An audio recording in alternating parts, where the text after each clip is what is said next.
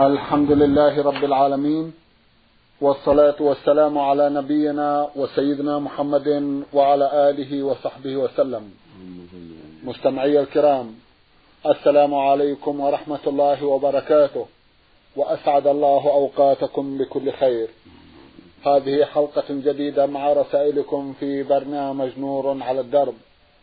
رسائلكم في هذه الحلقة نعرضها على سماحة الشيخ عبد العزيز بن عبد الله بن باز الرئيس العام لإدارات البحوث العلمية والإفتاء والدعوة والإرشاد. مع مطلع هذه الحلقة نرحب بسماحة له تفضله بإجابة السادة المستمعين فأهلا وسهلا بالشيخ عبد العزيز. حياكم الله حياكم الله. أولى رسائل هذه الحلقة رسالة وصلت إلى البرنامج من الرياض وباعثها أحد الإخوة المستمعين يقول سعد أبو محمد. أخونا سعد له سؤال طويل يقول فيه هل يجوز للجن الصالحين أن يسكنوا في أجساد المسلمين من الإنس؟ مع الدليل مع العلم أن بعض الجن الصالحين لا يلحقون أدم بالإنس بل ينزلون ويتلبسون لكي يستمعون الذكر والقرآن وبعض الجن الصالحين يقرأ القرآن ويخرج مرة ويخرج مردة الجن من بعض الإنس بلسان صاحبه الإنسي الذي يسكن فيه. جزاكم الله خيرا. بسم الله الرحمن الرحيم. الحمد لله وصلى الله وسلم على رسول الله وعلى آله وأصحابه من اهتدى بهداه. أما بعد فلا شك أنه لا يجوز للجن أن يسكن في أجساد الإنس ولا أن يتعدى عليهم ولا أن يؤذيهم. ومن أعظم الظلم ومن أعظم الأذى أن يخالط الجني والإنسي ويسكن في جسمه ويتلبس به. لما في ذلك من إفساد عقله وجعله في حكم المجانين ومع ما في ذلك من الشرور الأخرى والأذى الآخر. والله يقول سبحانه من يظلم منكم نذيقه عذابا كبيرا. ويقول جل وعلا في كتابه العظيم والظالمون ما لهم من ولي ولا نصير. ويقول أعد للظالمين عذابا أليما. والظالم أعد لهم عذابا أليما. فلا يجوز للجن أن يؤذي المسلم الإنسي ولا يجوز للإنس أن يؤذيهم أيضا ويضرهم. كل منهما عليه احترام الآخر والحذر من ظلمه. ومعلوم ما في حلول الجن في جسم الإنس من الأضرار الكثيرة والفساد الكبير. سواء كان مسلما أو كافرا ليس له أن يسكن في جسم الإنس وليس له أن يؤذيه ولا يضره. ومعلوم أيضا ما يحصل للناس من النفرة من هذا الذي داخله الجني. وما يحصل عليه من المضرة والأذى في ذلك. فالواجب على الجن أن يحذروا ظلم الإنس وأن يبتعدوا عن أذاهم. وإذا أراد سماع القرآن يسمعه في حلقات العلم وحلقات القرآن من دون تلبسه بالإنسي في إمكان سماع القرآن سماع الأحاديث بحضور حلقات العلم في المساجد وغيرها. أما احتجاجه على ذلك بأن يحب أن يسمع منه القرآن هذا غلط. ودعوى خاطئة. لا حول ولا وجه لها. والله المستعان نعم.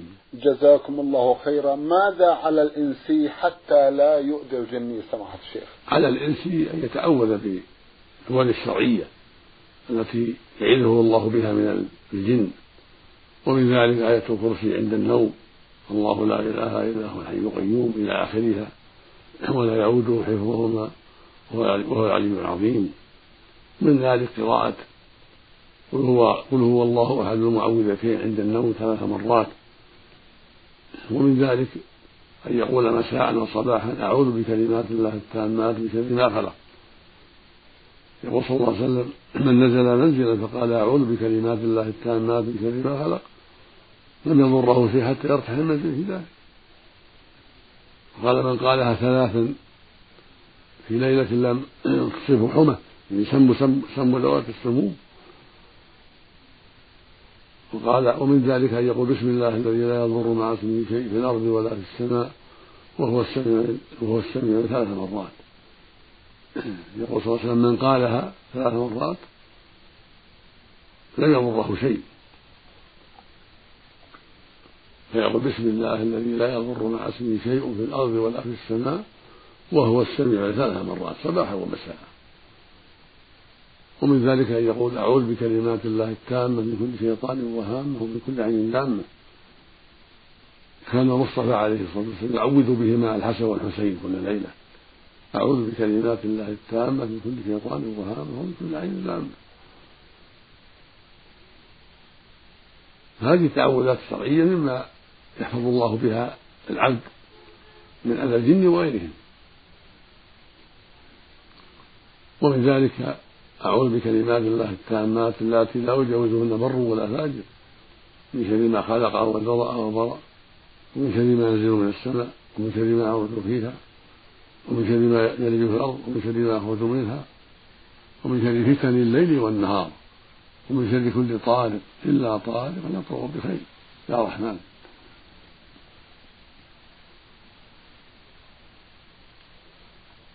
وفي الحديث الصحيح أن عبد دخل بيته مساء وقال بسم الله. قال الشيطان لغيره لا مبيت. وإذا سمى عند الأكل قال لا مبيت ولا عشاء. تسمية الله والتعوذ به سبحانه من أسباب السلامة من الشياطين. فينبغي المؤمن أن يحافظ على ذلك وأن يأخذ بالأوراق الشرعية التي بينها الرسول صلى الله عليه وسلم. وفي ذلك حفظ من الله عز وجل وسلامة للعبد من أذى الجن والإنس جميعا والله المستعان. جزاكم الله خيرا. الرسالة الثانية هي رسالة سبق وأن عرضنا بعضا من أسئلتها في حلقة مضت وهي رسالة الأخت عين ميم الخطيب من الضفة الغربية بفلسطين. بعثت بهذه الرسالة وضمنتها عددا كبيرا من الأسئلة. عرضنا بعضا منها في حلقات مضت وفي هذه الحلقة تعرض بعض الأسئلة فتقول في سؤالها الأول إذا غلب الإنسان التثاؤب في الصلاة هل يسكت حتى يذهب التثاؤب أم يستمر في الذكر والقرآن؟ السنة المؤمن إذا حصل له التثاؤب أن يخدم ما استطاع أن يخدم كما هو ما استطاع وأن يضع يده على فيه ولا يقول ها ولا يفتح فاه. هكذا نهى النبي صلى الله عليه وسلم وأمر. أمر بوضع اليد على الفم وأن يخدم ما استطاع. وقال لا يقول ها فإن الشيطان ينفخ في فيه ولكن يخدم ما استطاع ويضع يده على فيه ولا يتكلم بشيء حتى ينتهي. لا يقرأ ولا يتكلم حتى ينتهي التلاعب. هذا هو المشروع. إذا حصل التثاؤب يشرع له أمور عدة. الأمر الأول أنه يخدم ما استطاع يعني يضم فمه ما استطاع حسب الطاقة. الثاني أنه يضع يده على فيه. الثالث أنه لا يقول ها بل يحفظ لسانه ولا يتكلم بشيء لا قليل ولا كثير. هكذا السنة التي جاءت عن النبي عليه الصلاة والسلام. وبذلك يعلم أنه لا يقرأ ولا يحدث حدا ولا يتكلم بشيء. حتى ينتهي التفاؤل. لأن قد يتكلم بشيء غير مضبوط إذا معه التفاؤل يغلبه التفاؤل. فيكون كلامه غير مضبوط. فلا يتكلم حتى ينتهي. نعم. جزاكم الله خيرا. تقول أختنا ذكر النووي في كتاب الأذكار أنه يستحب ألا يجمع بين جميع الأدعية الواردة عن رسول الله صلى الله عليه وسلم في دعاء الاستفتاح أو في الركوع فما هو رأي سماحتكم؟ السنة أن ينوع في الاستفتاح. ما كان النبي صلى يجمعها عليه الصلاة والسلام. في الاستفتاح صار يستفتح بما جاء في حديث عمر سبحانك اللهم وبحمدك وتبارك اسمك وتعالى جدك ولا إله غيرك.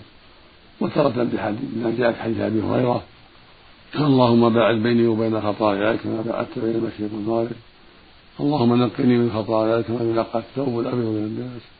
اللهم اغسلني من خطاياي بالثلج والماء والبرد. وفي الصحيحين. وتارة يستحسن ما جاء في حديث عائشة. اللهم رب جبريل وميكائيل وإسرافيل. فاطر السماوات عالم الغيب والشهادة. أنت تحكم بين عبادك فيما كانوا يختلفون.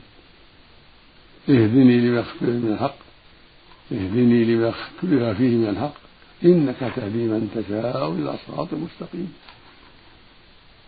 وهكذا في بعض الأحيان يستفتح إما في حج علي وجدت وجه لقطاس يقول أبو حنيفة والمشركين إلى آخره.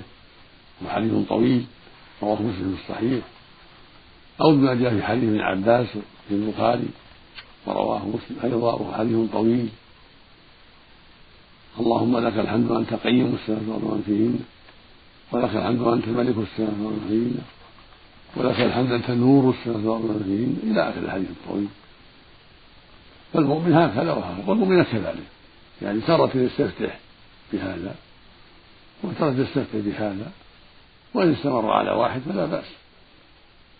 وأصحها ما رواه أبو هريرة رضي الله عنه. عن النبي صلى الله عليه وسلم قال الله كان يستفتح إذا كبر في الصلاة الفريضة يقول اللهم باعد بيني وبين خطاياي. كما باعدت بين المشرق والمغرب. اللهم نقني من خطاياي كما ينقى الثوب الأبيض من الدنس. اللهم اغسلني من خطاياي بالثلج والماء والبرد. خرجه البخاري ومسلم في الصحيحين. أما الأذكار في الركوع والسجود فإنه يأتي منها ما تيسر يشرع الأول يأتي ما تيسر لكن يخص سبحان رب العظيم في الركوع سبحان رب العظيم في السجود فيقول في الركوع سبحان ربي العظيم سبحان ربي العظيم. وإذا كرر ثلاثة فهو أفضل والواجب مرة. وذهب الجمهور إلى أنها إلى أنها مستحبة فقط. ولكن ذهب جمع من أهل العلم إلى وجوب هذا الذكر سبحان ربي العظيم في الركوع سبحان ربي العظيم في السجود. لأن الرسول حافظ عليه عليه الصلاة والسلام وقال صلوا كما رأيتم أصلي. وروي عنه عليه الصلاة والسلام أنه قال لما نزل قوله تعالى فسبح اسم ربك الأعلى قال اجعلوها في ركوعكم. ولما نزل قوله تعالى سبح اسم ربك الأعلى قال اجعلوها في سجودكم. فينبغي المؤمن والمؤمنة المحافظة على ذلك. سبحان ربي العظيم في الركوع سبحان ربي الأعلى في السجود. والأفضل أن يكرر ذلك ثلاثا وإن كرر أكثر فهو أفضل. ويستحب مع هذا أن يقول سبحانك اللهم ربنا وبحمدك اللهم اغفر لي. الركوع والسجود تقول عائشة رضي الله عنها كان النبي صلى الله عليه أن يقول في ركوعه وسجوده سبحانك اللهم ربنا وبحمدك اللهم اغفر لي. ويستحب أن يقول سبوح قدوس رب الملائكة والروح. كان يقوله النبي أيضا في الركوع والسجود عليه الصلاة والسلام. فإذا أتم ما تيسر من هذا كان هذا أفضل. وإذا اقتصر على البعض فلا بأس وإن جمع الجميع فلا بأس. لكن لا يدع سبحان ربي العظيم في الركوع ولا يدع سبحان ربي العظيم في السجود ولو مرة. ويستحب لا يكثر في السجود من الدعاء. يستحب له الإكثار من الدعاء في السجود. لقوله عليه الصلاة والسلام أما الركوع فعظموا فيه الرب وأما السجود فاجتهدوا في الدعاء. فقالوا يستجاب لكم فحري يستجاب لكم رواه مسلم في صحيحه. وقال أيضا عليه الصلاة والسلام أقرب ما يكون العبد من ربه وهو ساجد فأكثر الدعاء رواه مسلم أيضا. فالسنة الإكثار من الدعاء في السجود. مع قول سبحان ربي الأعلى سبحان ربي الأعلى مع قول سبحانك اللهم ربنا وبحمدك اللهم لي وهكذا بين السيدتين رب اغفر لي رب اغفر لي اللهم اغفر لي وارحمني واهدني وارزقني وعافني. غير ذلك. وإن دعا بالزيادة اللهم اغفر لي ولوالدي وللمسلمين فلا بأس. كله دعاء. والسنة أن يطيل هذا الركن. وهو الجلوس بين السيدتين كأن يطيله. حتى يقول القائل قد نسي. وهكذا بعد الركوع السنة يطيل الاعتدال بعد الركوع. قال أنس رضي الله عنه كان لم يطيل هذا الاعتدال بعد الركوع بين السيدتين حتى يقول القائل قد نسي بعض الناس ينقر هذا الركن ولا يعطيه حقه بل يعجل. هذا لا يجوز بل الواجب الطمأنينة في جميع الصلاة الركوع والسجود والاعتدال بعد الركوع. والجلوس بين السجدتين يجب الاعتدال في هذا والطمأنينة. أما ذكر الاعتدال بعد الركوع فإنه لم يرد ما يدل على التكرار ولكن يأتي به إذا تيسر كله. ربنا ولك الحمد حمدا كثيرا طيبا مباركا فيه من السماوات ومن الأرض ومن ما بينهما ومن ما شئت من شيء بعده. أهل الثناء والمجد أحق ما قال العبد وكلنا لك عبد. اللهم لا مانع لما أعطيت ولا معطي لما منعت ولا ينفع ذا الجد منك. الجد هذا هو الكمال وإذا اقتصر على قول ربنا ولك الحمد. أو اللهم ربنا لك الحمد أجزأ. الإمام والمأموم والمنفرد. لكن إذا كمل كان أفضل. وإن اقتصر على قوله ربنا ولك الحمد من السماوات ومن الأرض ومن ما بينهما ومن ما من شيء بعد فلا بأس أيضا. ولكن الواجب ربنا ولك الحمد أو اللهم ربنا لك الحمد. لأن الرسول عليه السلام قال إذا قال إذا سمع الله لمن فقولوا ربنا ولك الحمد. فدل على هذا هو الواجب والباقي مستحب وكمال. وهكذا الواجب بين السيدين يقول رب اغفر لي. فإن كان يحافظ على ذلك رب اغفر لي والواجب مرة كالتسبيح والركوع والسجود. ولكن إذا كرر ذلك ثلاثا أو أكثر كان أفضل. رب اغفر لي رب اغفر لي بين السجدتين وإذا زاد اللهم اغفر لي وارحمني واهدني واغفرني وعافني واجبرني كان أفضل.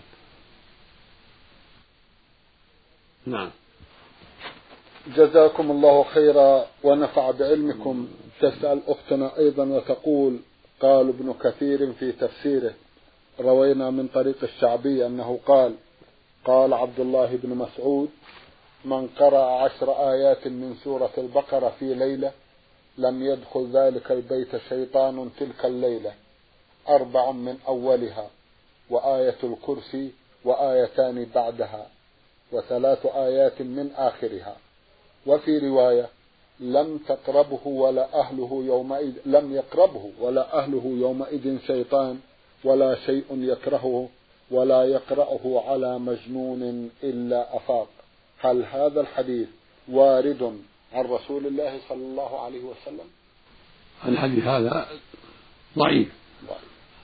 لأن الشعبي لم يدرك ابن مسعود ولم يسمع منه هو منقطع. ولكن ما يتعلق بآية الكرسي محفوظ. كان النبي صلى الله عليه وسلم قال لمن قرأه قراءة الكرسي في الليل عند النوم لم يزعك من الله حافظ ولا يقرأك الشيطان حتى تصبح. والأصل في ذلك أن أبا هريرة كان على صدق على وكيل على الصدقة صدقة زكاة الفطر. فجاءه شيطان يأخذ من الصدقة. فأمسكه أول ليلة وهو لا يعرف أنه شيطان. فقال دعني أنا ذو عيال وفقير فدعا فذكره تركه أبو هريرة رحمه. ثم جاءت الثانية فكذلك قال دعني أنا فقير ذو عيال. ثم جاءه الثالثة فأمسكه. قال لا أرفع عنك إلى رسول الله صلى الله عليه وسلم. هذه ثالث ليلة وأنت تقول لا أعود. قال دعني أعلمك كلمات ينفعك الله بها. إذا أويت إلى فراشك فقل الله لا إله فاقرأ الله لا إله إلا هو الحي القيوم حتى تبلغ ولا يؤود حفظهما وهو العلي العظيم. فإنه لا يزول معك من الله حافظ ولا يقربك شيطان حتى تصبح. قال أبو هريرة فأطلقته ثم أتى النبي صلى الله عليه وسلم أخبره فقال النبي صلى الله عليه وسلم صدقك وهو كذوب. صدقك يعني فيما قال وهو كذوب. الشيطان من شأنه الكذب لكن فيما قال عليه في كل صحيح. من قرأها في ليلة لم يزل عليه من الله حافظ ولا يقربه شيطان حتى يصبح.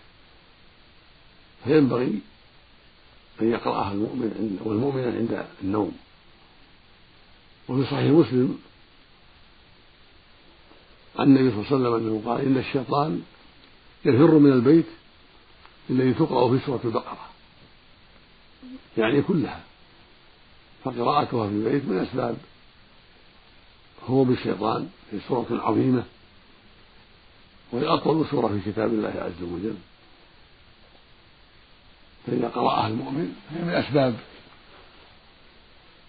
خروج الشيطان من بيته. ولكن لا يلزم أنه لا يعود قد يخرج ثم يعود. فإذا حاربه بالأذكار والتعوذات كان هذا من أسباب السلامة. كما أنه إذا سمع النداء أطبر أدبر وله ضراط فإذا فرغ الأذان عاد. يخطر بين المرء وبين قلبه يقول اذكر كذا اذكر كذا في صلاته. وهكذا إذا سمع الإقامة أدبر وله الضراط فإذا انتهت انتهت الإقامة رجع. حتى يوسوس المؤمن ويقول اذكر كذا اذكر كذا. هو عدو الله حريص على إفساد أعمال بني آدم وإفساد عباداتهم. والتشويش عليهم. فينبغي المؤمن أن يكون حريصا على التعوذات الشرعية كما شرع الله له جل وعلا. حتى يقيه الله من شره سبحانه وتعالى. فالأذكار من أسباب طرد الشيطان. وهكذا وهكذا التعوذات الشرعية. يقول الله عز وجل في كتابه العظيم وإما ينزغنك من الشيطان نزغ فاستعذ بالله. فنزغت الشياطين هي وساوسة.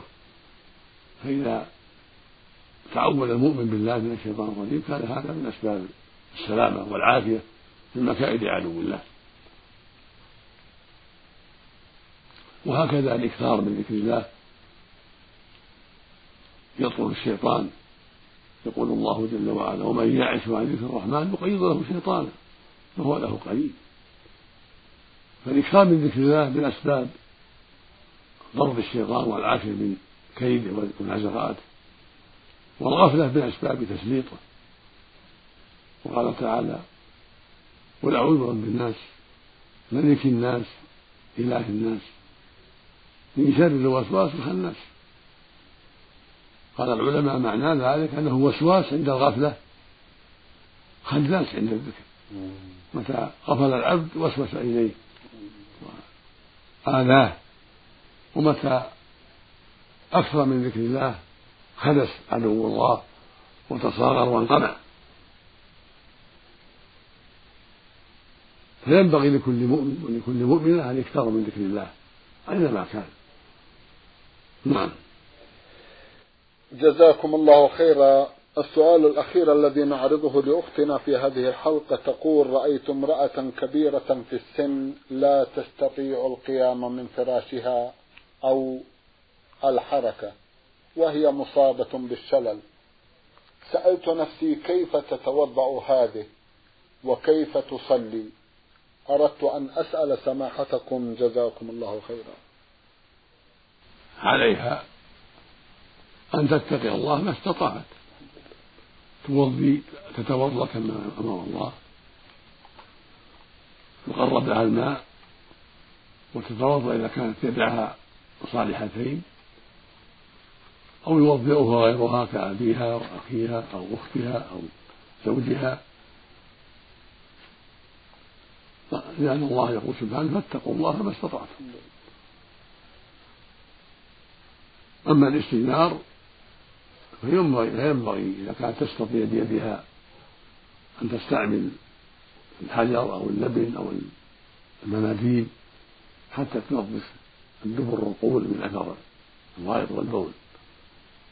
ثلاث مرات أو أكثر حتى يتنقى المحل من الأذى ويكفي ذلك عن الماء فإذا استطاعت أن تفعل هذا بيدها يعني تطهر محل الغائط بمناديل حتى تنقي المحل حتى تنقي المحل من أثر الغائط ثلاث مرات أو أكثر. لا من ثلاث فأكثر لا يقل عن ثلاث. نعم. وهكذا المسح القبول نعم. ثلاثة أكثر حتى يتنقى المحل من أثر البول وهكذا الذكر الرجل. نعم. ولو أنه صحيح ولو أنه سليم ولو أنها سليمة المرأة. إذا فعلت هذا يكفي عن الماء. طيب طيب. أما الوجه واليدان والرأس والرجلان فلا بد من الوضوء إن استطاعت بنفسها وإلا وضأها غيرها من زوج أو خادم أو أم أو أخت أو نحو ذلك. فإن لم يتيسر لها أحد يوضئها تيممت إن استطاعت. تضرب التراب بيديها وتمسح بهما وجهها وكفيها بنية الطهارة. فإن لم تستطع يممها غيرها أيضا. تسمح لغيرها تعلن لغيرها ويقوم مقامها. ويضرب التراب بيديه ويمسح بهما وجهها وكفيها بالنية عنها. إذا لم يتيسر أنه يوضئها. فالحاصل أنها تتقي الله ما استطاعت في الوضوء والتيمم بنفسها أو بمن يقوم مقامها من عجزت. وأما الاستنجاء فيكفي الحجارة أو اللبن أو المناديل وليس من اللازم أن تستعمل الماء. فإذا استنبض الإنسان بالحجارة أو باللبن أو بالمناديل ثلاث مرات أو أكثر حتى أنقى المحل كفى ذلك ولو كان صحيحا. فالمريض من باب أولى. نعم. جزاكم الله خيرا رسالة. وصلت إلى البرنامج من المستمع محمود أبو الحسن محمود من جمهورية مصر العربية يقول حيث أنني وقع مني يمين وقلت في يميني هذه علي الطلاق بالثلاث وتروح حرمانة مثل أمي وأختي.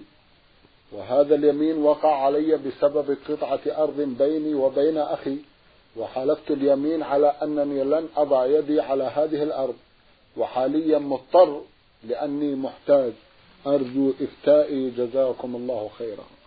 عليك مراجعة الفتوى لديكم في العلاب أو مفتي مصر وفيهما بركة إن شاء الله. فيهما الكفاية. نسأل الله للجميع التوفيق. اللهم آمين.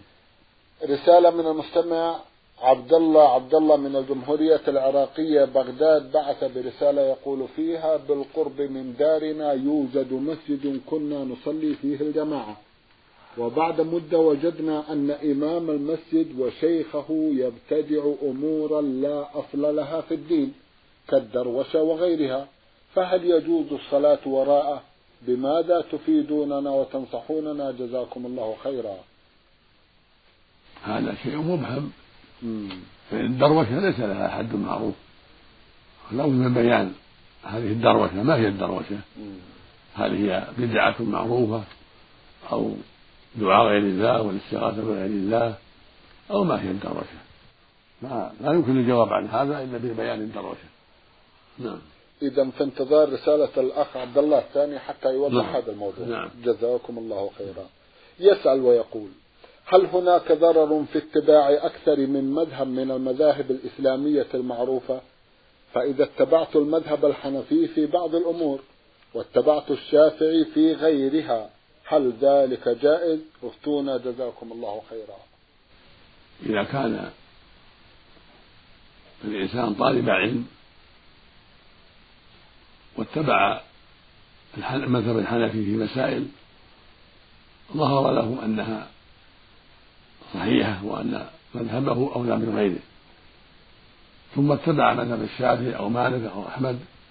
في المسائل الأخرى ظهر أن مذهبه فيها هو الصحيح حسب الأدلة فلا بأس بهذا. للمؤمن حسب ما أعطاه الله من العلم يتبع الدليل وينظر في الدليل. فما قام عليه الدليل وجب الأخذ به سواء وافق مذهب الشافعي أو أو أبي حنيفة أو مالك أو أحمد أو غيرهم من أهل العلم. المهم أن يوافق الدليل وأن يكون وأن يدل عليه آية أو حديث شريف صحيح عن رسول الله عليه الصلاة والسلام. أما بالتشهي والهوى فلا. كن يتلاعب تارة كذا وتارة هذا لا يجوز. ولكن عليه أن يحرص على معرفة الدليل ويسأل أهل العلم عما عما يشكل عليه. فإذا عرف بالدليل إذا كان طالب علم عرف بالدليل أن هذا المذهب في هذه المسألة أرجح ولكن في المسألة الأخرى أرجح فلا بأس. وإلا فعليه يسترشد بالعلماء ويستفتيهم ويعمل بما يرشد له إليه من العلم. نعم.